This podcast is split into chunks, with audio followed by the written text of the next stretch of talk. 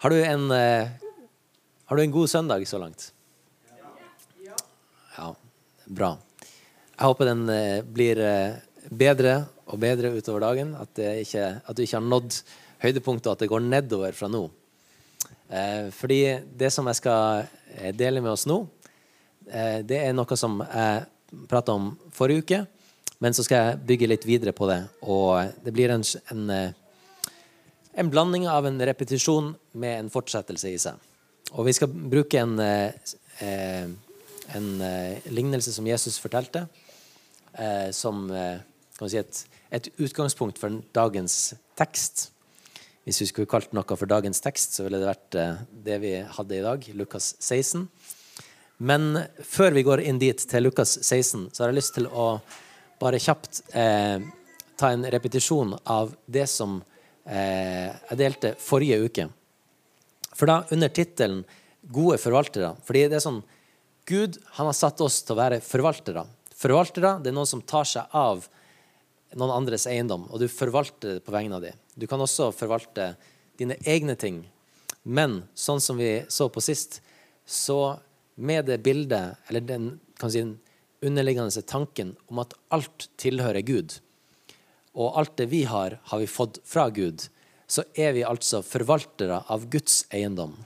Min tid, mine penger, eh, min eh, jobb, mine gaver, mine talenter er egentlig ikke mine. Jeg har fått de til å forvalte de. Så jeg forvalter det talentet som Gud har gitt meg. Jeg forvalter de pengene som Gud har gitt meg. Jeg forvalter den tida som Gud har gitt meg. Og eh, vi slo fast at Gud er giveren av alle gode ting. Han er eieren også. I Jakob 1 vers 17 så, så vi at det står at all god gave og all fullkommen gave kommer ovenfra. Fra ham som er himmellysenes far. I åpenbaringa står det at du har skapt alt. Ved din vilje ble alt til, skapt av deg.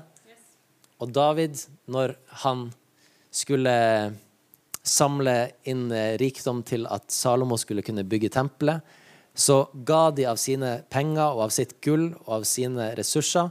Men så sier David at deg tilhører alt som er i himmelen og på jorda. Rikdom og ære kommer fra deg, Herre. Alt kommer fra deg. Det vi gir, kommer fra din hånd. Og alt er ditt. Det er umulig å lese det her uten å tenke at ja, det som vi har, Våres ting, som vi liker å kalle det, er egentlig ikke våre. Vi er satt som forvaltere. Gud har satt oss her på jorda og gitt oss gaver. Han har gitt oss tid, han har gitt oss eh, økonomi, han har gitt oss gaver, talenter, en personlighet som gjør deg til akkurat det. Han har skapt deg akkurat sånn som han vil ha det, og han har gitt deg ting i din hånd. Så sånn som David sier, at det vi gir, kommer fra din hånd. Når vi står her i lovsang og bruke stemmen vår til å sette ord på. Der tilhører all ære, Herre. Vi lover deg, vi priser deg. Hva er det vi gjør da? Vi bruker stemmen vår, hjertet vårt, til å ære Gud. Men stemmen vår har vi jo fått ifra Gud. Det er han som har blåst liv inn i lungene våre. Vi kunne ikke ha stått der og gitt Gud ære hvis ikke han først hadde gitt oss pust og liv. Så alt vi har, det kommer fra Gud. og det er ment for at vi skal forvalte det og gi ære til Gud med det. Problemet er at synd kommer inn i livet vårt, og vi velger å synde, eller vi faller i synd. Det ødelegger Guds gaver, fordi det får ting til å handle om oss. Når det går ifra at vi er forvaltere av Guds gaver til oss, til at det er mitt, meg, min, mitt, etc. Og vi snakka om det her med at grådighet, det er avgudsdyrkelse. Når vi begynner å sentrere rundt oss sjøl, så er det en avgudsdyrkelse. Da begynner vi å tilbe det skapte i stedet for skaperen. Vi tilber det som Gud har gitt oss, i stedet for å tilbe Gud som har gitt oss det. Og det her er ikke bare snakk om penger, sånn som jeg sier. Dette gjelder hele livet vårt. Hvordan vi bruker tida vår, hvordan vi bruker av alle ressursene og gavene som vi har. Det er livet ditt. Så det er ganske viktig å få det med seg. Løsninga på det her, da, det er at evangeliet frigjør oss. Når Jesus kom til jorda, ble sendt fra far, og han levde et syndfritt liv her på jorda Han eh, tok vår plass på Golgata, der han gikk i døden for vår skyld, for at vi skulle kunne ha liv. Så satte han oss fri fra det slaveriet. Og jeg vet ikke om jeg hadde et vers på det. Yes, I Kolosserne 1, 14. I Jesus så er vi kjøpt fri og har fått tilgivelse for syndene. Og så står det igjen at i ham er alt blitt skapt, i himmelen og på jorda. Det synlige og usynlige, troner og herskere, makt og åndskrefter. Alt er skapt ved ham og til ham. Så du skal være god å argumentere hvis du skal komme deg ut av at alt er skapt av Gud, og alt er til for ham. Da skal du være rimelig god. Da må du være politiker eller noe sånt. Og det er heldigvis ingen av oss her inne. Nei, politikere er fantastisk.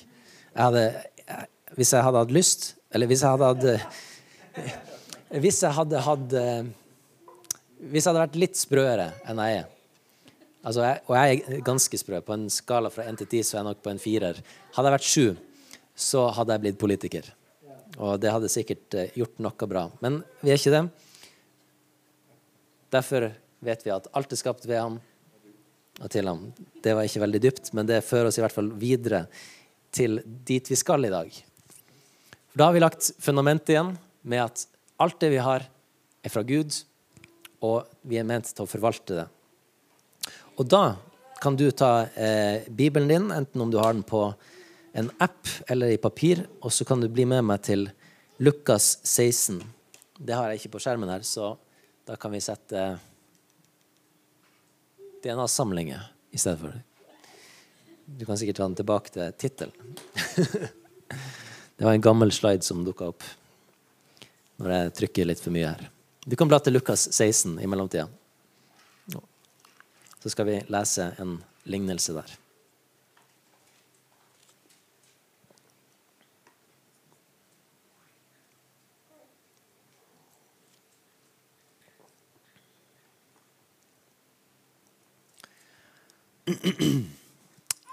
All right. Vi starter på vers 1, og så leser vi ned til vers 13.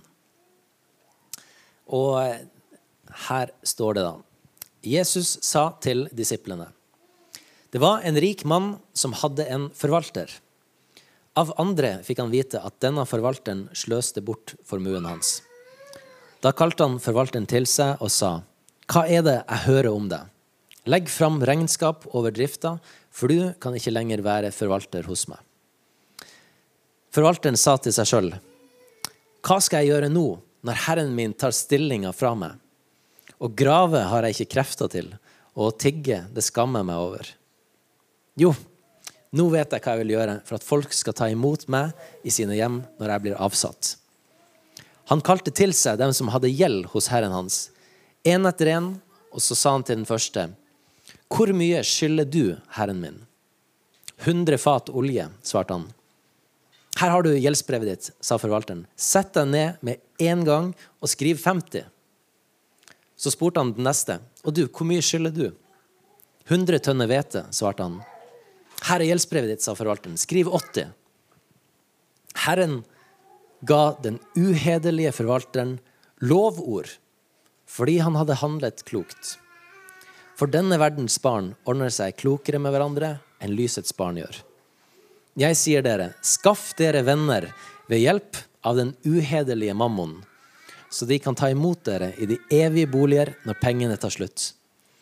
Den som er tro i smått, er også tro i stort. Den som er uredelig i smått, er også uredelig i stort. Om dere ikke har vært tro når det gjelder den uhederlige mammon, hvem vil da betro dere de virkelige verdier?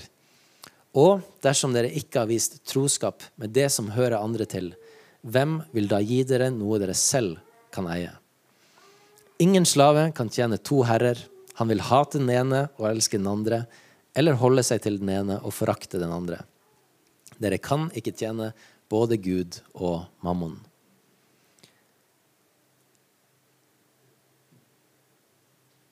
en av de merkeligste lignelsene Jesus forteller. De fleste lignelsene Jesus forteller, de kan du ganske raskt få et grep om. Ok, Han snakker om eh, såmannen som sår ut Guds ord. Ok, Vi forstår det. Det havner i forskjellig type jord. Han snakker om mange andre typer lignelser. En sau som forsvinner, og 99 som er igjen. En, en mynt som blir funnet igjen. Den bortkomne sønn. Men her snakker Jesus om en forvalter. En forvalter som får ros for å være uærlig og uhederlig. Og så sier Jesus at i vers 9, som er kanskje et av de merkeligste versene i hele Lukas Jeg sier dere, skaff dere venner ved hjelp av den uhederlige mammon, så de kan ta imot dere i de evige boliger når pengene tar slutt. Det vi gjør ofte, er at vi bare spoler raskt over det der, fordi det der forstår vi ikke. Det var rart. Skal vi kjøpe oss venner sånn at de vennene kan ta imot oss i himmelen? Skal vi, skal vi være uhederlige? Skal vi være uærlige? Er det det Jesus sier her? Skal vi, de tingene som vi har fått å forvalte, skal vi gjøre som han forvalter den her? Og, og, og jukse? Og kjøpe oss inn i himmelen? Det kan jo ikke være det Jesus mener her. Det kan jo ikke være det Jesus mener her. Henger du med? Og det er riktig. Det er ikke det Jesus mener her. Jesus sier ikke at vi kan kjøpe oss inn i himmelen. Vi skal se på denne historien og, og eh, pakke den litt ut. Det er sikkert ganske mye mer man kan si om denne eh, lignelsen enn det jeg kommer til å si i dag. Eh, fordi det er en, eh, en fyldig lignelse. Men jeg har lyst til å, ta den i dag fordi, fordi ofte når man snakker om det å være en forvalter, så starter vi på vers 10 når vi leser denne historien. Så dropper vi alt det vanskelige før, de ni versene før, og så hopper vi bare inn der det står at der Jesus sier at den som er tro i smått, er også tro i stort. Det er sånn som vi liker å høre. Det høres veldig rett ut. Der er Jesus. Nå, Jesus var litt ute å kjøre, og så henta han seg inn igjen. Og så sa han den som er tro i smått, er også sto, tro i stort. Som sier at hvis du ikke behandler det lille du har, med troskap til Gud, hvis du ikke forvalter det lille du har, på en god måte, så vil du ikke bli satt over større ting. Hvis du ikke behandler stipendet ditt som du får, hvis du ikke behandler det på en sjenerøs og, og troskapsfull måte, når du da får gigantlønn fra oljeselskapet, når du er blitt ingeniør og tjener millioner, da vil du ikke behandle det med sjenerøsitet og troskap til Gud. Når vi starter i det små og er tro i det små, forvalter ressursene våre og tida vår og økonomien vår og livet vårt på en god måte i det små, i begynnelsen, da vil vi også kunne gjøre det i det større. All right. Men i denne lignelsen, da Denne forvalteren Det første vi må bare eh, få for oss, det er at når Jesus snakker om denne forvalteren, så snakker han om denne verdens barn. Altså, Han snakker ikke om eh, de som er født på ny, kristne. I det eksempelet her så forteller han bare, som han sier i vers 8, at denne verdens barn ordner seg klokere med hverandre enn lysets barn gjør. Så han legger opp her at du har verdens barn, og så har du lysets barn. Der verdens barn er de som ikke er kristne, ikke født på ny, mens lysets barn er de som er født på ny, på vei til himmelen. Og det Jesus gjør her, han oppfordrer oss til å lære klokskap. Ikke til å kopiere måten ting blir gjort på. Fordi i verden så er det mye, det er mye uh, uærlig handling. Men allikevel så er det noe med klokskapen her. Fordi han forvalteren han skjønte at jeg kommer til å miste jobben. Hva skjer med min framtid? Hvordan skal jeg ordne framtida mi? Hvordan, hvordan, hvordan, skal jeg ha en plass å bo? Et tak? venner, noen som kan ta seg av meg. Og det han gjør, og blir rost for, det er at han er klok og legger en plan for etter at han har mista jobben sin. når det tar slutt, det som var. Og han tenker at folk må jo bli glad i meg og bli skikkelig kompis hvis jeg bare kutter litt ned på gjelda deres. Altså hvis, eh, hvis eh, Sparebanken Sør hadde ringt meg og sagt Hei, Simon, du, hvor mye er det du egentlig skylder oss? Ja, OK. ja. ja men du, bare, bare, kutt bort et par millioner på det der, vet du. Så eh, vi ordner det, vet du. Ja. Jeg hadde blitt kjempeglad. Hvis du hører denne podkasten og jobber i Sparebanken Sør, så jeg tror jeg det er et ord til akkurat deg i dag. Nei, men sant, Hva skjer da? Nå er et uh, søkt eksempel. Men sant, det er, jo, det er, jo, det som skjer her. De skylder 100 fat olje. Eh, han ene skylder 100 tønner hvete. Og så bare kutter han det ned og sier ja, du skyldte 100, nå skylder du 50. Det han gjør, er at han rigger seg for framtida si. Han planlegger det som skal komme etter at det er slutt, det han står i nå. Og det Jesus sier her, er at der vi er i dag, tenk klokt og planlegg for framtida. Og hva det slags framtid Jesus refererer til. Han snakker om i de evige boliger, står det her i, eh, i vers 9. Fordi han her forvalteren han rigga seg til sånn at han kunne komme inn i de jordiske boligene til sine nye venner. Men vi er ment til å planlegge for de evige boligene etter at dette livet har tatt slutt. Og vi skal ikke kopiere metodene og være uærlige, men vi skal handle klokt og lære av hvordan er det vi kan legge oss opp. Hvordan kan vi bruke av våre ressurser sånn at vi, når vi kommer til himmelen, så har vi mennesker der som vi har vært med på å føre inn i himmelen lede inn i himmelen, som kan, vi kan være sammen med der oppe. Med pengene våre, med tida vår, med gavene våre, med stemmen vår, med det vi har fått.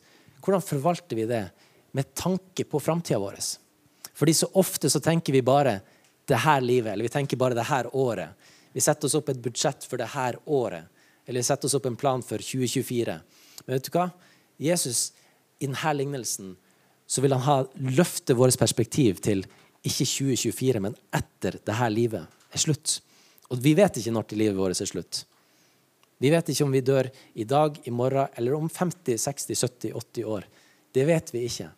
Men det vi vet, er at vi er på vei til himmelen. Og det er vår framtid. Der har vi en plass. Og måten vi forvalter det vi har fått nå, det er også med på å bety en forskjell for hvem som blir med dit. Fordi vi har blitt betrodd evangeliet. Menigheten er sannhetens støtte og grunnvoll. Det vil si at evangeliet om frelsen med Jesus, den har vi fått til å forvalte. Du er en forvalter av evangeliet. Og Det betyr at hvis vi bruker det på en god måte, forvalter evangeliet på en god måte, så vil vi kunne møte mange venner i himmelen. I eh, mitt studie av det her så er det ganske mange andre vinkler og meninger om hva man også kan dra ut av det. Men det blir altfor eh, komplekst, og det blir altfor stort. Så jeg hadde lyst til å ta det fokuset i dag. At måten vi bruker det Gud har gitt oss her på jorda, det er faktisk med på å forandre framtida. Vi skal være ærlige og vi skal handle redelig. Vi skal ikke kopiere metodene sånn som verdens barn gjør. Når de driver med sine triks og fanterier for å bare skaffe seg mer penger eller mer eh, av sine ressurser, skal vi ikke kopiere deres uærlige metoder. Men vi skal kopiere deres smartness være klok. Og det betyr at du er nødt til å tenke gjennom. Det var ikke før han holdt på å miste jobben her, eller det var ikke før han var på vei til å miste jobben, at han begynte å tenke på denne måten. Selv om han, det sto at han det sto at han, eh, han som eide rikdommen, fikk høre at han sløste bort formuen. Så i utgangspunktet var jo ikke denne forvalteren særlig god, kan vi si. Hvis det stemmer at han sløste bort formua. Men i hvert fall da når han fikk vite at han skulle miste jobben, da ble han klok og litt sånn våken. Du kommer til å miste livet ditt her på jorda. Hvis du ikke er klar over det, så er du klar over det nå. og det er denne wake-up-callen som vi trenger. Det at det livet vi lever her på jorda, det er midlertidig. Det er ikke vits å bygge seg opp eh, et lager av ressurser som du bare skal ha i denne tida. Det kommer du ikke til å få med deg. Du kan kanskje skaffe deg litt mer ting. Få litt mer problemer. Ting fører alltid med seg problemer. Men vet du hva? Hvis vi bruker av den tida vi har, til å tenke på framtida Hvordan vil det se ut når vi kommer til himmelen? Da, vet du, da har vi fått noe godt ut av denne lignelsen som Jesus forteller. Om at, om at vi skal bruke den tida vi har, bruke tida på jorda til å planlegge for framtida. Men tre ting jeg har lyst til å dra ut av eh, historien på slutten her, vers 10, 11 og 12. Det er i forhold til hvordan vi kan vise troskap på tre forskjellige områder. Um, fordi I vers 10 så starter det med den som er tro i smått, er også tro i stort. Og det her handler om å vise troskap uansett størrelsen på en ting, eller mengden på en ting. Og dette utfordrer vårt eh, si, menneskelige, verdslige tankesett. Fordi vi tenker at det som er verdt noe, det som er viktig å ta vare på, det er det som er stort, og det som er, vi har masse av. Mens det vi har lite av, det er ikke så nøye. Vi har jo bare så lite uansett. Og Det kan være i forhold til økonomi. Det kan være i forhold til relasjoner. Det kan være i forhold til menighet. Jeg har jo bare to venner, så hva er vitsen med å som bruker så mye tid? Hvis jeg hadde hatt 100 venner, da, da, du, da, skulle jeg brukt mye tid med det. Jeg har jo bare én onkel. Det er jo ikke vits å bruke så mye tid. Det er så lite. Det er så lite familierelasjoner. Vi er jo bare 20-30 stykker i kirka. Hva er vitsen med å, å være der? Hvis vi hadde vært 200, da hadde det vært en kirke som jeg kunne vært med i og bidratt og, og, eh, og bygd. Men Jesus utfordrer oss. Han sier å vise troskap og gjøre det som er rett, selv når det er lite. Selv når det ser ut som ingenting. Selv når det virker til å være noe som, som egentlig ikke har noen verdi, sett med verdens øyne. Når folk eh, som ikke er kristne, spør deg om den tingen, er du, skammer du deg over den, da? Eller kan du frimodig si at yes, det er kjempelite, men vet du hva? Jeg har virkelig trua på det. Det er kjempelite, men jeg har fått det av Gud. Det ser ikke stort ut, det er ikke pent, men vet du hva? Gud har gitt det til meg, og det ønsker jeg å forvalte. Så vi er kalt til å vise troskap uansett størrelse eller mengde.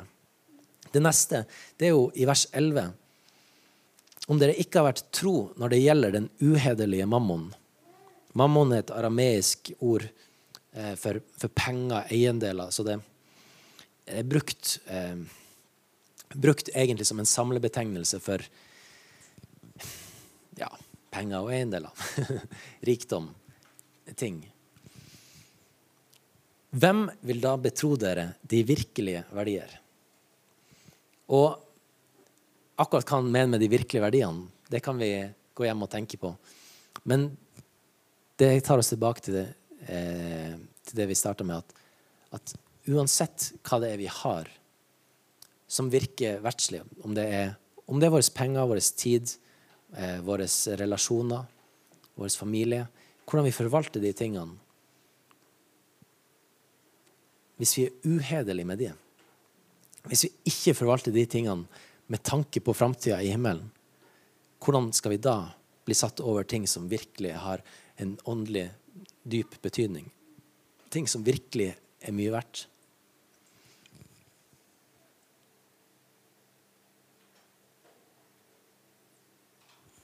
For det har noe å si hvordan vi forvalter det som er sånn som man kaller her uhederlig mammon. Altså ting som i utgangspunktet bare regnes det materialistisk. det har noe å si. Fordi det handler om vårt hjerte. Vi kan ikke dele livet vårt opp i forskjellige deler og si at ja, når jeg, når jeg forholder meg til de her tingene, da skal jeg virkelig vise troskap og være en god forvalter. Men når det kommer til de her tingene, det har ingenting å si. Her kan jeg sløse og, og ikke bry meg om hvordan det går med de tingene. Nei, vi er kalt til å leve ett helt liv som gode forvaltere. Og det er uansett om det gjelder materialistiske ting eller ting av åndelig betydning. Så viser troskap uansett verdi, om det er mammon, eller om det er Guds gaver, relasjoner, mennesker. Og den tredje, vers 12. Dersom du ikke har vist troskap med det som hører andre til, hvem vil da gi dere noe dere selv kan eie?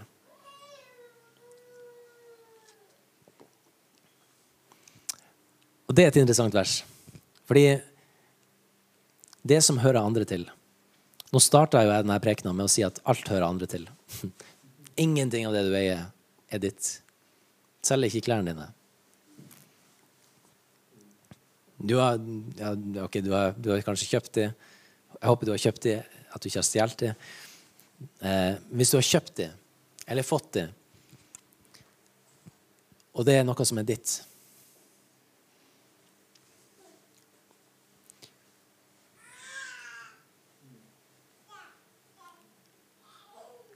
Dersom du ikke har vist troskap med det som hører andre til, hvem vil da gi dere noe dere selv kan eie?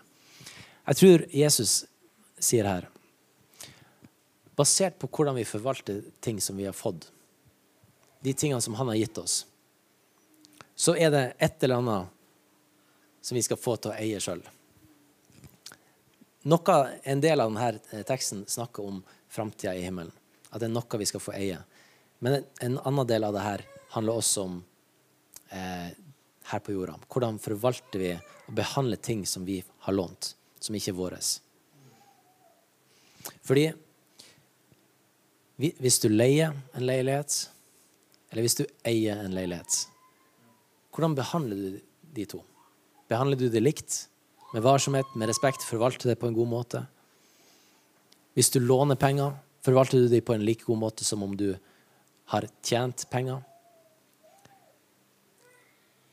jeg har en del erfaring med opplevelser der eh, folk som har leid eller lånt ting, har jeg kan si, misbrukt det lånet. Eller misbrukt det at de fikk tilgang til den tingen som ikke var deres.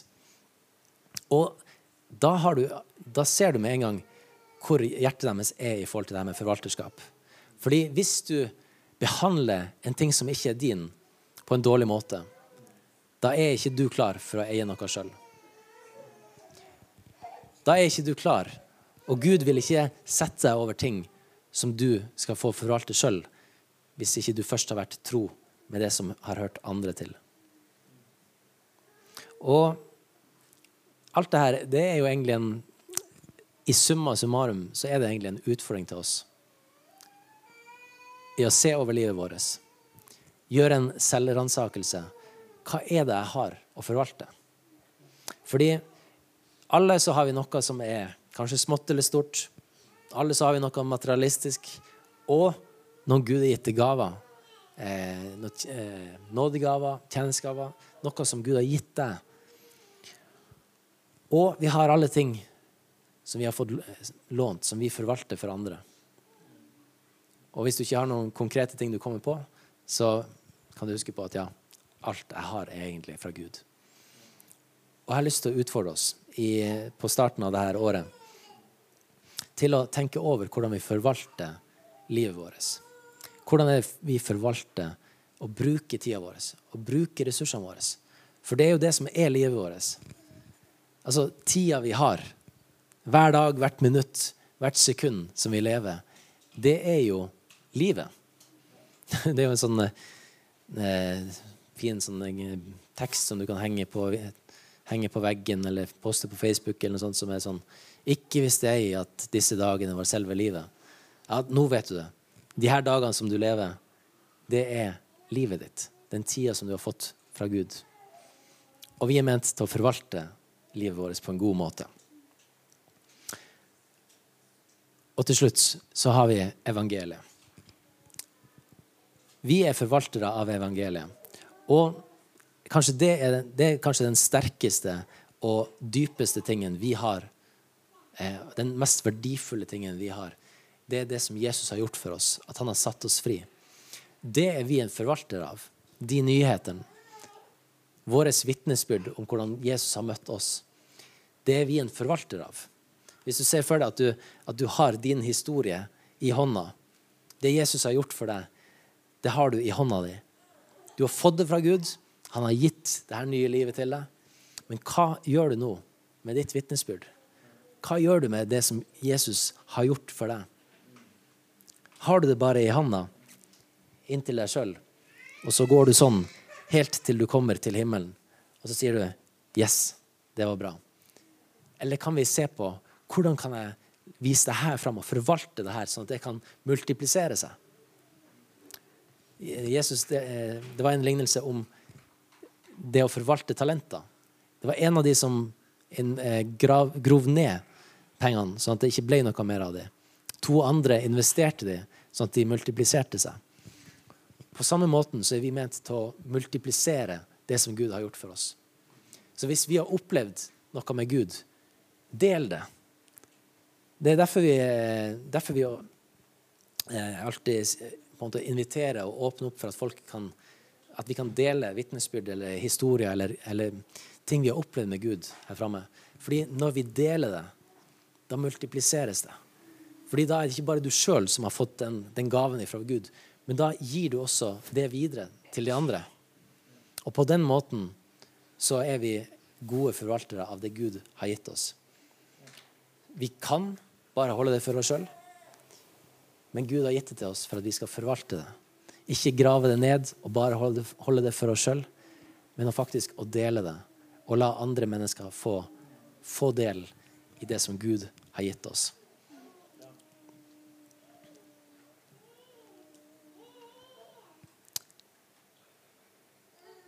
Og der har jeg lyst å, å slutte. Men vi skal ta, ta ett minutt nå, eller to minutter, der du skal få lov til å lukke øynene. Og så skal du få tenke over hva det er Gud har gitt deg. Hva det han har eh, åpenbart for deg. Hva det han har vist til deg. Har han gitt deg en, en gave når du leste i Bibelen? Var det noen ting der som Gud viste deg, som du kan ta imot som en gave, og så kan du dele den? Eller er det ting du trenger, som du har i ditt liv, som du trenger å forvalte på en bedre måte? Som du trenger å legge fram for Gud og si at det her som jeg gir til deg, det kommer ifra deg, Herre. Jeg vil slutte å bare la det være mitt, meg og mine, men å la det være ditt, Herre.